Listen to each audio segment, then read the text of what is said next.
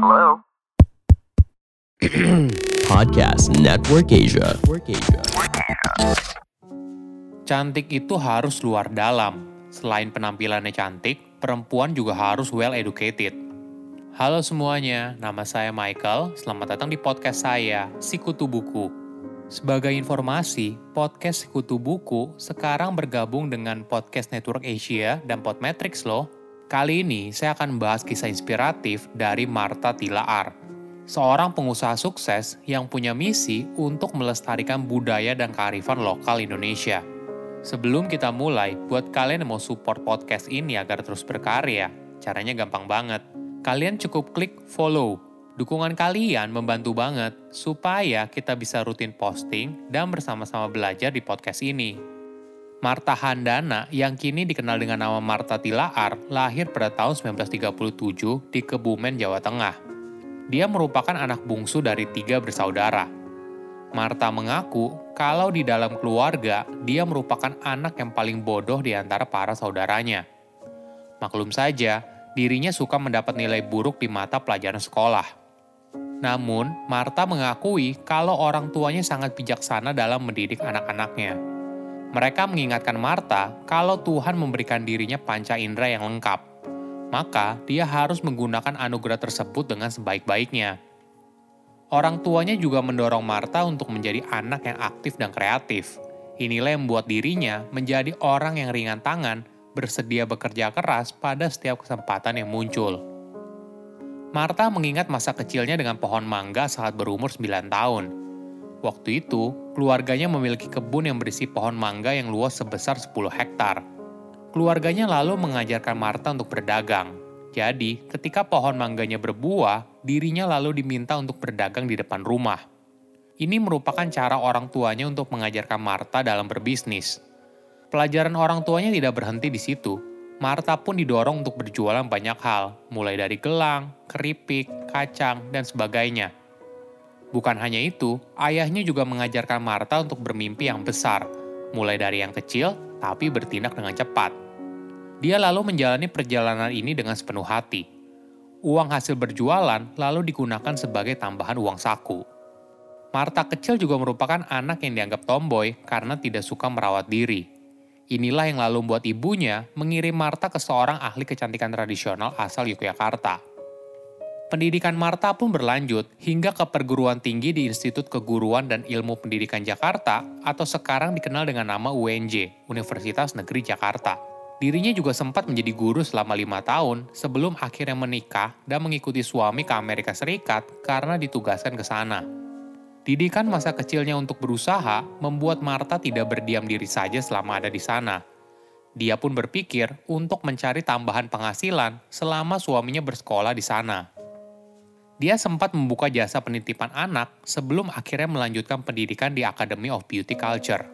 Saat Marta menjalani pekerjaan di Amerika Serikat, suaminya lalu kaget karena penghasilannya pada masa itu 10 kali lipat lebih besar daripada beasiswanya. Suaminya lalu mendorong Marta untuk terus bekerja dan menggunakan uangnya untuk melanjutkan pendidikan. Di sanalah Marta mulai mendalami soal kecantikan ada sebuah pengalaman yang menyadarkan Marta atas kekayaan budaya Indonesia.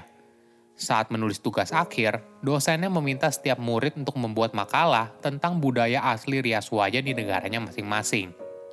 Inilah yang membuat Marta baru sadar kalau selama ini dirinya hampir tidak tahu apa pun tentang budaya rias wajah di Indonesia. Dirinya pun berdoa dan bertekad, apabila lulus, maka Marta akan mendedikasikan hidupnya untuk mempelajari kekayaan budaya kecantikan Indonesia – Sesampainya di Indonesia, keinginan Marta untuk mengenalkan dan melestarikan budaya kecantikan Indonesia ternyata tidak mudah. Marta bercerita, dulu dia sampai harus belajar dari satu dukun beranak ke dukun beranak yang lain. Bahkan, orang sekitarnya menganggap Marta sebagai orang gila yang ingin cepat kaya karena mempelajari hal-hal yang dianggap berbau mistik. Marta memulai bisnisnya dari sebuah salon kecantikan kecil yang didirikan di sebuah garasi milik orang tuanya berukuran 4 kali 6 meter pada tahun 1970. Saat awal, tidak ada orang yang datang ke salonnya. Maklum saja, sebagai salon baru, Marta harus bisa membuktikan diri. Terpikirlah sebuah ide. Marta melakukan promosi kalau dirinya merupakan ahli kecantikan lulusan Amerika Serikat. Dia pun lalu mencari tukang koran dan meminta izin untuk memasukkan brosur usahanya. Dari situ, salonnya mulai dikenal dan didatangi banyak orang penting. Mulai dari istri duta besar, khususnya dari duta besar Amerika Serikat. Para istri duta besar yang puas lalu mempromosikan usaha Marta kepada para istri pejabat Indonesia.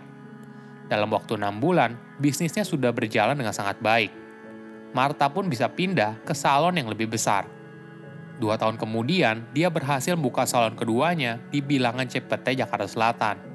Di salon inilah, dirinya mulai memperkenalkan perawatan kecantikan tradisional yang berbasis tanaman herbal. Marta punya prinsip kalau cantik itu bukan hanya dari luar, tapi juga harus dari dalam. Jadi, bukan hanya kecantikan dari luar yang dijaga, namun juga kesehatan di dalam diri juga harus dijaga. Itulah yang membuat dirinya bukan hanya fokus pada salon kecantikan, tapi juga mulai mengembangkan jamu. Pada tahun 1977, Marta mendirikan PT Martina Berto bersama dua mitranya yang lain. Perusahaannya pun meluncurkan merek Sari Ayu sebagai produk kecantikan dan jamu modern. Perjalanan bisnis Marta tidak selalu berjalan mulus. Dia pernah dipandang sebelah mata karena statusnya sebagai perempuan. Saat itu, Marta sering ditolak oleh bank saat mengajukan kredit usaha karena mereka merasa kalau pinjaman tidak bisa diberikan kepada wanita. Tantangan lain juga muncul saat Marta berusaha memasarkan produknya di pusat perbelanjaan. Produknya dianggap tidak layak untuk dijual di sana karena dianggap mistik dan tidak terbukti secara ilmiah. Maklum saja, ramuan tradisional pada masa itu masih dianggap sebagai produk kampungan. Pola pikir masyarakat masih mengagungkan produk yang berasal dari luar negeri, khususnya dari barat. Tantangan demi tantangan tidak membuat semangat Marta luntur. Dia terus bekerja keras dan membuktikan produknya akan sukses di kemudian hari. Kini terbukti, produknya yaitu Sari Ayu sudah berjajar dengan merek lain di pusat perbelanjaan di Indonesia. Pada tahun 2018 lalu, Marta mendapat penghargaan dalam KTT Global Compact Leaders PBB atas usahanya dalam memberdayakan ribuan perempuan di Indonesia. Dengan rendah hati, Marta pun mengaku bingung karena dirinya hanya seorang bakul jamu, tapi kok bisa mendapat penghargaan. Salah satu kontribusi Marta yang dihargai oleh PBB adalah pemberdayaan wanita melalui program pendidikan dan kewirausahaan. Jadi, melalui perusahaannya, dia mendirikan pusat pelatihan spa dan kecantikan yang memungkinkan para perempuan putus sekolah untuk mempelajari keterampilan baru, sehingga terhindar dari perdagangan manusia. Ide program pemberdayaan ini muncul saat Marta berjumpa dengan seorang tenaga kerja wanita di Hong Kong. Perempuan itu mendekatinya dan mengatakan kalau dirinya menggunakan produk Marta Tilaar. Dia juga bercerita kepada Marta kalau dirinya merupakan korban perdagangan manusia dan menderita HIV/AIDS. Cerita ini sangat berbekas di benak Marta dan membulatkan tekadnya untuk memberikan pendidikan kepada para perempuan agar mereka memiliki kesempatan yang lebih baik. Lebih hebatnya lagi, Marta adalah salah satu dari 10 penerima penghargaan dari seluruh dunia dan satu-satunya dari Indonesia. Dia juga menjadi orang Indonesia pertama yang menerimanya sejak penghargaan itu diadakan pada tahun 2016. Kini, Marta Tilaar Group telah berkembang pesat dan menaungi tujuh perusahaan yang berbeda. Perempuan itu bukan hanya harus cantik luarnya, tapi cantik dalamnya. Perempuan itu bukan hanya cantik penampilannya, tapi juga harus well educated, saya undur diri, jangan lupa follow podcast Sikutu Buku. Bye-bye. Pandangan dan opini yang disampaikan oleh kreator podcast, host, dan tamu tidak mencerminkan kebijakan resmi dan bagian dari podcast Network Asia.